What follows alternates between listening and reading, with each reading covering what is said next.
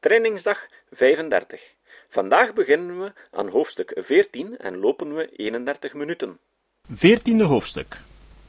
Algemeen overzicht en besluit. Overzicht van de bezwaren tegen de leer der natuurkeus. Overzicht van de algemene en bijzondere omstandigheden ten gunste van die leer. Over de oorzaken van het algemene geloof in de bestendigheid der soort. Tot hoever mag de leer van de natuurkeus uitgestrekt worden? De uitwerkselen dier leer op de studie van de natuurlijke historie. Besluit. Daar dit gehele boek niets anders is dan een lange redenering en bewijsvoering, zal het de lezer misschien niet onaangenaam zijn de hoofdfeiten en de voornaamste uitkomsten kortelijks herhaald te zien. Ik ontken volstrekt niet dat er vele en gewichtige tegenwerpingen tegen de leer ter afkomst met wijziging door de natuurkus gemaakt kunnen worden. Ik heb getracht die tegenwerpingen op haar juiste waarde te schatten. Er is niets wat in de eerste opslag moeilijker schijnt dan te geloven dat de meer samengestelde werktuigen en instincten volmaakter geworden zijn, niet door middelen die de menselijke rede te boven gaan, maar door de opstapeling van ontelbare, geringe wijzigingen, allen ten nutte van het individu. En toch die moeilijkheid, of schoon in onze verbeelding onvolkomen schijnende, kan ik niet een wezenlijke zijn, indien we de volgende stellingen aannemen. Namelijk, dat er graden in de volmaking van een werktuig of van een instinct of thans bestaan, of voorheen bestaan kunnen hebben, dat alle werktuigen en instincten, al is het in een zeer geringe mate, veranderlijk zijn. En, eindelijk, dat er een strijd voor het bestaan wordt gevoerd, leidende tot de bewaring van elke nuttige afwijking in het instinct of de lichaamsinrichting. De waarheid die stelling kan, dunkt me, niet betwist worden. Het is ongetwijfeld uiterst moeilijk zelfs te gissen door welke trapsgewijze veranderingen welke inrichtingen volmaakter geworden zijn, vooral bij verbrokkelde en ontbrekende groepen. Maar we zien zoveel vreemde trapsgewijze veranderingen in de natuur, dat we zeer op onze hoede moeten zijn in het beweren dat een werktuig of een instinct of een geheel schepsel niet door trapsgewijze veranderingen in de tegenwoordige toestand gekomen kan zijn. Er zijn, ik moet het toestemmen, gevallen van bijzondere moeilijkheid voor de leer der natuurkeus. En een der moeilijkste is voorzeker het bestaan van twee of meer kasten van werkers of onvruchtbare wijfjes in dezelfde gemeente van mieren. Maar ik heb getracht te bewijzen hoe die moeilijkheid weggenomen kan worden. Ten opzichte van de bijna algemene onvruchtbaarheid van soorten die gekruist worden, welke een zo merkwaardige tegenstelling vormt met de bijna algemene vruchtbaarheid van rassen die gekruist worden, ben ik genoodzaakt de lezer te verzoeken tot het overzicht aan het einde van het achtste hoofdstuk terug te keren. Het komt mij voor dat die onvruchtbaarheid evenmin een bijzondere gave is als de onvatbaarheid van twee bomen op elkander geënt te worden maar dat zij een toevallige zaak is, afhankelijk van verschillen in de bijzondere inrichting der voortplantingsstelsels van de gekruist wordende soorten. We zien de waarheid van dit gevoelen in het grootste verschil der uitkomsten als de tweezelfde soorten wederkerig gekruist worden. Dat is, als een soort eerst als vader en dan als moeder wordt gebezigd. De vruchtbaarheid van rassen, als ze gekruist worden, en van de kruislingen kan niet als zonder uitzondering beschouwd worden. Ook is hun vrij algemene vruchtbaarheid niet iets vreemds, als wij ons herinneren dat het niet denkbaar is dat hun gehele gestellen, ofwel hun voortplantingsstelsels, zeer veel gewijzigd zullen zijn.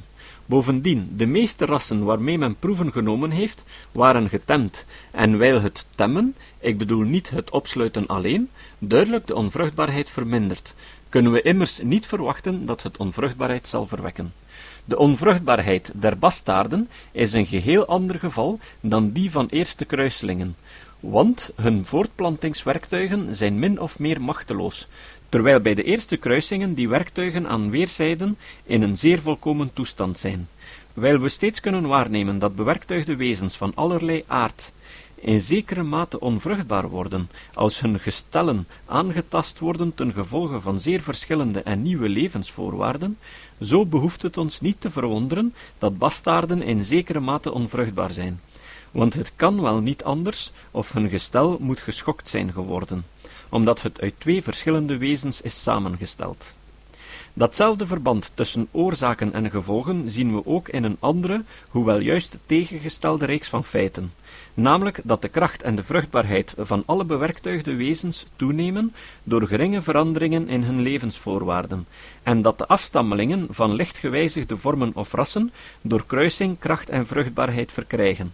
Zodat aan de ene kant grote veranderingen in de levensvoorwaarden en kruisingen tussen zeer gewijzigde vormen de onvruchtbaarheid verminderen, terwijl aan de andere kant geringe veranderingen in de levensvoorwaarden en kruisingen tussen minder gewijzigde vormen de vruchtbaarheid vermeerderen. Ook ten opzichte van de verspreiding over de aarde zijn de bezwaren tegen de leer van afkomst met wijziging ernstig genoeg. Alle individuen van dezelfde soort en alle soorten van hetzelfde geslacht of zelfs van elke hogere groep moeten van gemeenschappelijke voorouders afkomstig zijn, en derhalve, in welke afgelegen afgezonderde gedeelten van de aarde zij nu ook gevonden mogen worden, ze moeten in de loop der volgende generatiën van het ene gedeelte naar het andere zijn getrokken. We zijn dikwijls in het geheel niet in staat om na te gaan of te gissen hoe zulks kan zijn gebeurd. Echter moet er, we met reden mogen geloven dat sommige soorten dezelfde soortvorm gedurende zeer lange tijdperken, ontzaglijk lang bij jaren gerekend, behouden hebben, niet al te veel gewicht gehecht wordt aan de toevallige verre verspreiding van een soort, want er zal gedurende die zeer lange tijdperken gelegenheid genoeg geweest zijn om verspreid te worden, en wel door een menigte van onderscheidene middelen. Een verbrokkeld gebied is veelal een bewijs dat er hier en daar plaatselijke soorten uitgestorven zijn. We moeten bekennen dat we tot heden nog zeer weinig weten van de grote veranderingen van het klimaat en van de oppervlakte van de aarde, die in nieuwere geologische tijdperken zijn geschied, maar zulke veranderingen moeten duidelijk ter bevordering van de verhuizing hebben gestrekt. Als een voorbeeld daarvan heb ik getracht aan te tonen hoe groot de invloed van de ijstijd is geweest op de verspreiding, zowel van dezelfde als van vertegenwoordigende soorten over de aarde, ook al weten we zo goed als niets van de vele middelen van vervoer die bij gelegenheid in werking zijn geweest.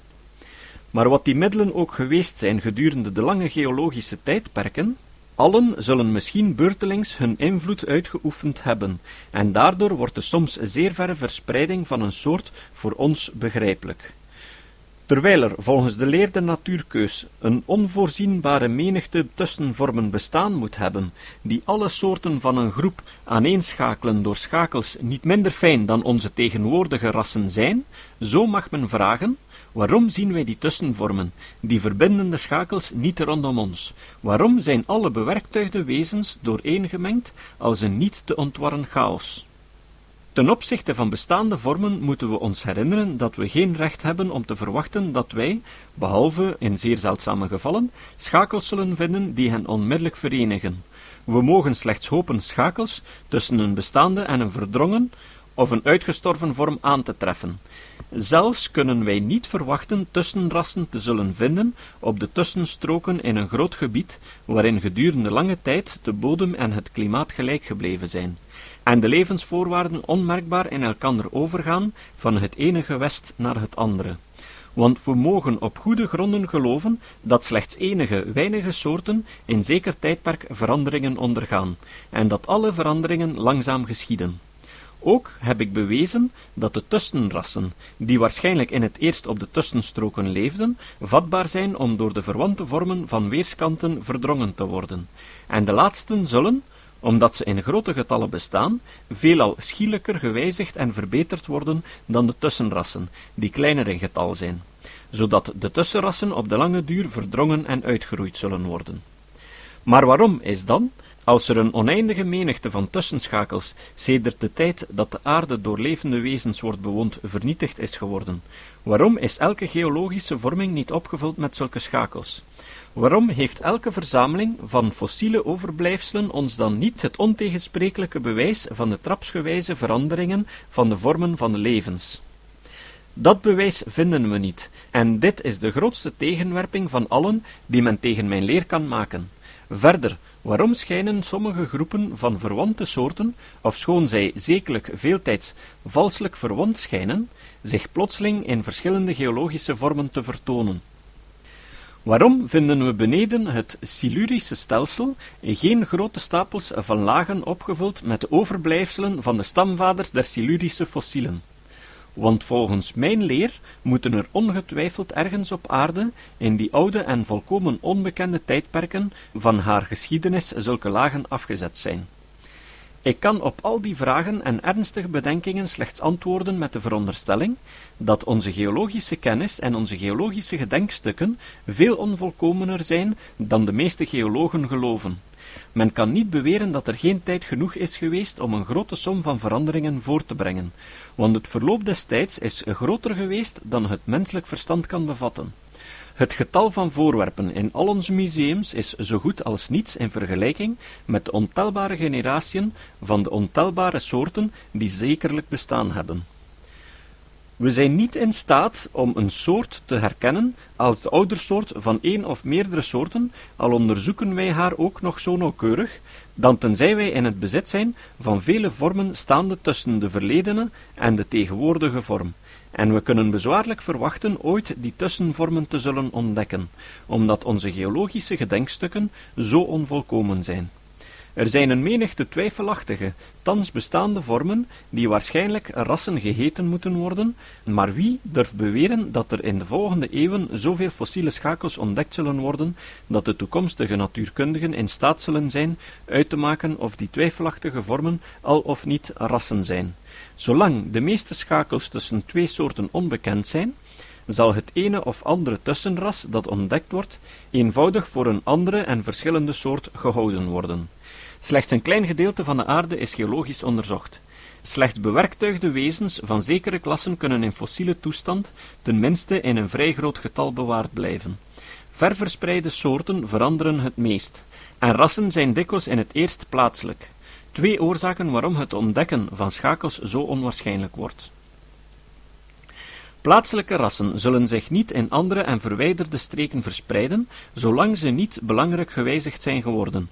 En als ze zich verspreiden, zullen ze, indien ze in één geologische vorming aangetroffen worden, de schijn hebben alsof ze daar plotseling geschapen waren geworden. En ze zullen eenvoudig als nieuwe soorten worden gerangschikt. De meeste vormingen zijn met tussenpozen afgezet en opgehoopt, en de duur van de ophoping is, naar ik vastelijk geloof, korter geweest dan de gemiddelde duur van de soortvormen.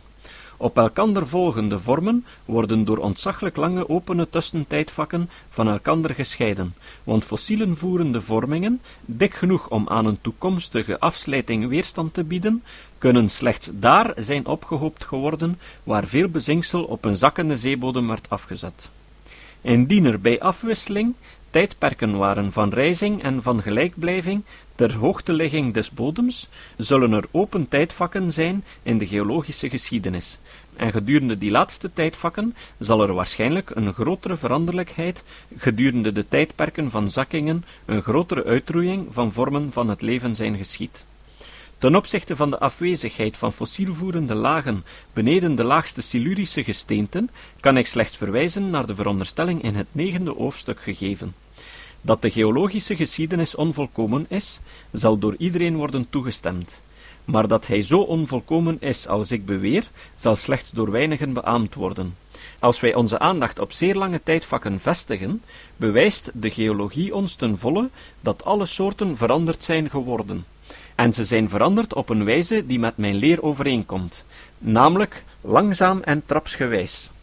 Dit blijkt ons duidelijk daaruit dat de fossiele overblijfselen van opvolgende vormingen altijd en onveranderlijk meer op elkander gelijken en nader aan elkander verwant zijn dan de fossielen uit vormingen die in tijd van afzetting van elkander verschillen. Dit nu zijn de voornaamste tegenwerpingen en bezwaren die met recht tegen mijn leer kunnen worden aangevoerd, benevens in het kort de antwoorden en verklaringen die er tegen gegeven kunnen worden.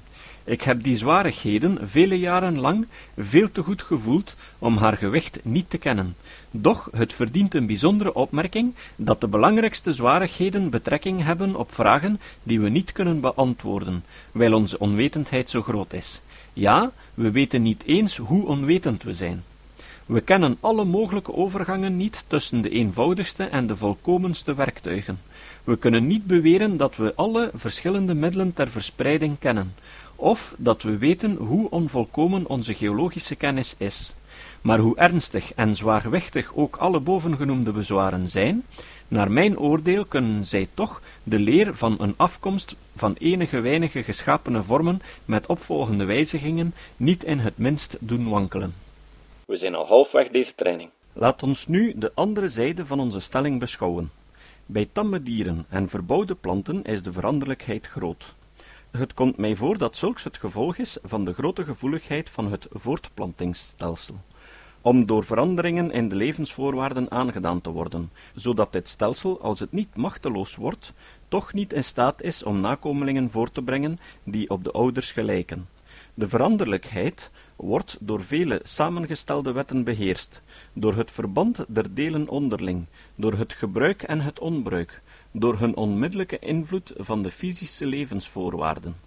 Het is hoogst moeilijk te onderscheiden hoeveel veranderingen onze huisdieren en tuinplanten ondergaan hebben, maar we mogen veilig aannemen dat de som groot is, en dat wijzigingen gedurende lange tijdperken erfelijk zijn.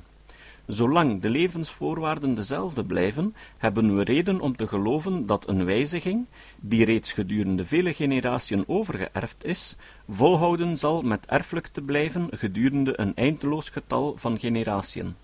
Ook hebben we het bewijs dat de veranderlijkheid, als zij eens aanwezig is, nooit geheel verloren gaat, want nu en dan zien we nog nieuwe rassen en verscheidenheden uit onze oudste getemde dieren en verbouwde planten ontstaan. De mens is niet de oorzaak van de veranderingen. Hij stelt slechts met of zonder opzet bewerktuigde wezens bloot aan nieuwe levensvoorwaarden. En dan werkt de natuur op de bewerktuiging en veroorzaakt veranderingen. Maar de mens kan uitkiezen en kiest ook werkelijk de veranderingen uit die hem door de natuur verschaft worden. Hij hoopt die op in de verlangde richting. Zo maakt hij dieren en planten geschikt tot zijn voordeel of genoegen. Hij kan zulks opzettelijk doen of onopzettelijk door het bewaren van de individuen die hem het nuttigste zijn, zonder daarom enig plan te hebben het ras te veranderen. Het is zeker dat hij een grote invloed kan uitoefenen op de kenmerken van een ras, door in elke opvolgende generatie zulke geringe individuele verschillen uit te kiezen, die voor een ongeoefend oog onmerkbaar zijn. Die kunstkeus is de grootste werkende macht geweest in het voortbrengen van de nuttigste en meest verschillende tamme rassen en dat vele door de mens voortgebrachte rassen er als natuurlijke soorten uitzien, wordt bewezen door de onoplosbare twijfelingen of velen daaronder rassen zijn of wel oorspronkelijke soorten. Er is geen reden te bedenken waarom hetgeen zo krachtig in de tamme staat werkt, ook niet in de natuurstaat werkzaam zou kunnen zijn. In de bewaring van bevoorrechte individuen en rassen gedurende altijd opnieuw ontbrandende strijd voor het bestaan, zien we het krachtigste en altijd werkzame middel voor de keus. De strijd voor het bestaan volgt onvermijdelijk uit de wiskundige, zekere vermeerdering van alle bewerktuigde wezens. Die vermeerdering wordt door berekeningen bewezen, en ook door de snelle toename in getal van vele dieren en planten. Als enige jaargetijden achtereen de omstandigheden gunstig zijn, of als ze in een nieuwe landstreek inheems worden. Er worden meer individuen geboren dan bij mogelijkheid in leven kunnen blijven. Een grein in de weegschaal zal beslissen welk individu zal leven en welk zal sterven, welk ras of welke soort toenemen zal in getal, en welk zal afnemen of ten laatste uitsterven, wijl de individuen van dezelfde soort in alle opzicht het nauwst met elkaar in aanraking komen en mededingen, zal de strijd onder hen het hevigst zijn. Hij zal bijna even hevig zijn tussen de rassen van dezelfde soort, en slechts weinig minder hevig tussen de soorten van hetzelfde geslacht. Doch de strijd zal somtijds zeer hevig zijn tussen wezens ver van elkander staande op de ladder der natuur. Het geringste voordeel van een wezen in een zeker leeftijd of gedurende zekere jaargetijden boven die waarmede het in mededinging geraakt, of een grotere geschiktheid, hoe gering ook, voor de omringende levensvoorwaarden zal de weegschaal doen overslaan. Bij dieren van gescheidene seksen zal er in de meeste gevallen een strijd tussen mannetjes om het bezit der wijfjes gevoerd worden. De krachtigste individuen, of die welke het best geslacht zijn in de strijd tegen hun levensbedingen, zullen gewoonlijk de meeste nakomelingen hebben. Doch Het welslagen in deze zal dikwijls afhangen van het bezit van zekere wapenen of middelen ter verdediging, of van bekoorlijkheden der mannetjes, en het geringste voorrecht zal tot overwinning voeren.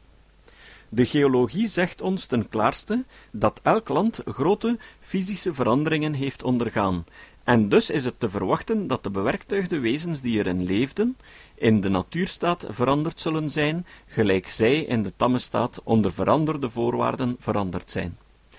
En, als er veranderingen in de natuurstaat voorvallen, zou het wel een onbegrijpelijke zaak zijn, indien de natuurkeus niet mede in het spel was gekomen, men heeft wel eens verzekerd, maar die verzekering is niet te bewijzen, dat de som der veranderingen in de natuurstaat slechts tot een bepaalde hoogte kan gaan.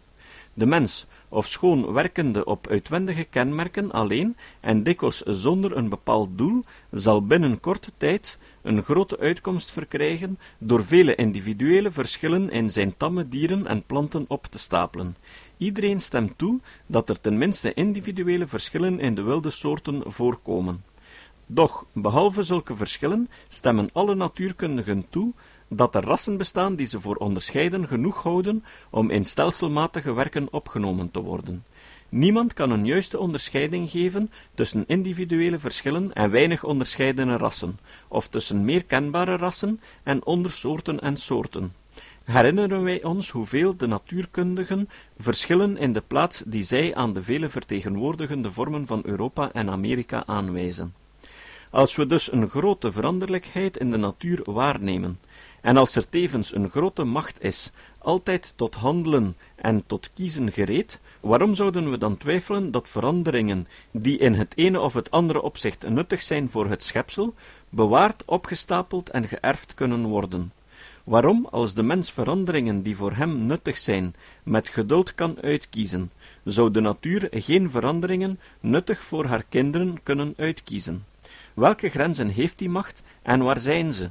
Wat is het dat die grote macht in de natuur zou kunnen verhinderen, de macht die gedurende eeuwen en eeuwen aaneen kan werken, en die met de grootste nauwkeurigheid het gehele stelsel, de inrichting van de lichamen en de gewoonten van elk schepsel kan doorzoeken en onderzoeken, om het goede te bewaren en het slechte te verwerpen.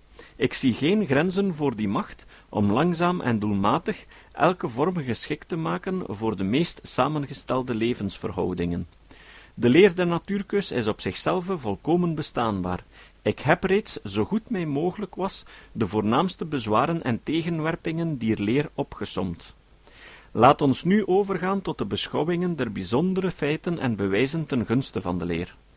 Uit het oogpunt dat de soorten slechts welgekende en blijvende rassen zijn, en dat elke soort eerst een ras is geweest, blijkt het ons waarom er geen afscheidingslijn getrokken kan worden tussen soorten, die gewoonlijk verondersteld worden door bijzondere scheppingsbedrijven te zijn voortgebracht, en rassen die gehouden worden als voortbrengselen van secundaire wetten. Uit datzelfde oogpunt is het ons begrijpelijk hoe het komt dat in elk gewest, waarin vele soorten van een geslacht zijn voortgebracht en waarin zij nu bloeien, diezelfde soorten vele rassen bezitten. Want waar de fabriek van soorten in werking is geweest, mogen wij als een algemene regel verwachten haar nog in werking te zullen vinden. En dit is het geval indien rassen wordende soorten zijn. Bovendien, de soorten der grotere geslachten, die het grootste getal van geslachten of wordende soorten opleveren, behouden in zekere mate het karakter van rassen, want zij verschillen onderling minder van elkander dan de soorten der kleine geslachten. Ook hebben de nauw verwante soorten der grotere geslachten een beperkt gebied, en na haar verwantschappen zijn zij in kleine groepen rondom andere soorten gerangschikt. Ook in die opzichten gelijken zij op rassen. Dit alles zijn zeer wonderbare verhoudingen uit het oogpunt dat elke soort onafhankelijk is geschapen, maar ze zijn zeer begrijpelijk indien alle soorten eerst rassen zijn geweest.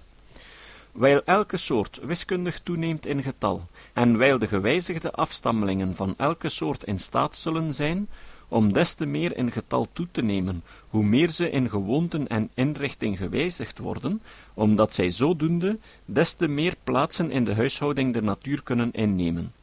Zo zal de natuurkeus steeds trachten om die nakomelingen ener soort te bewaren, welke het meest afwijken. Daarom, gedurende de lange duur der wijzigingen, streven de kenmerken der rassen om kenmerken der soorten te worden.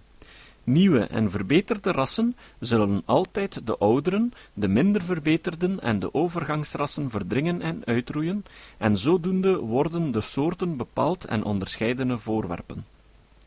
Heersende, tot grote groepen behorende soorten brengen nieuwe en heersende vormen voort, zodat elke grote groep streeft om al groter en groter te worden, en tevens haar kenmerken meer en meer uiteen te spreiden. Doch, Wijl alle groepen niet in omvang kunnen toenemen, want de wereld zou haar weldra niet meer kunnen bevatten, zo slaat de meest heersende groep de minder heersende. Dat streven van de grote groepen om groter te worden en haar kenmerken uiteen te spreiden, gepaard met het onmisbare gevolg daarvan, de uitroeiing van andere groepen, verklaart ons de schikking van alle vormen des levens in groepen ondergeschikt aan groepen, allen in enige weinige grote klassen, die we nu rondom ons zien en ten allen tijde de eerste plaatsen ingenomen hebben. Dit grote feit van de groeperingen van alle bewerktuigde wezens komt mij voor, naar de leer der onafhankelijke scheppingen, ten enenmale onverklaarbaar te zijn. Daar de natuurkeus slechts werkt door het opstapelen van geringe gunstige wijzigingen, zo kan ze geen grote of plotselinge veranderingen voortbrengen. Ze kan slechts met zeer korte en langzame schreden voortgaan. Daarom is de spreuk natura non facit saltim waar, en elke vooruitgang in kennis maakt haar al meer en meer waar. Daarom is de spreuk natura non facit saltum waar, en elke vooruitgang in kennis maakt haar al meer en meer waar. En zij is volgens die leer zeer verklaarbaar.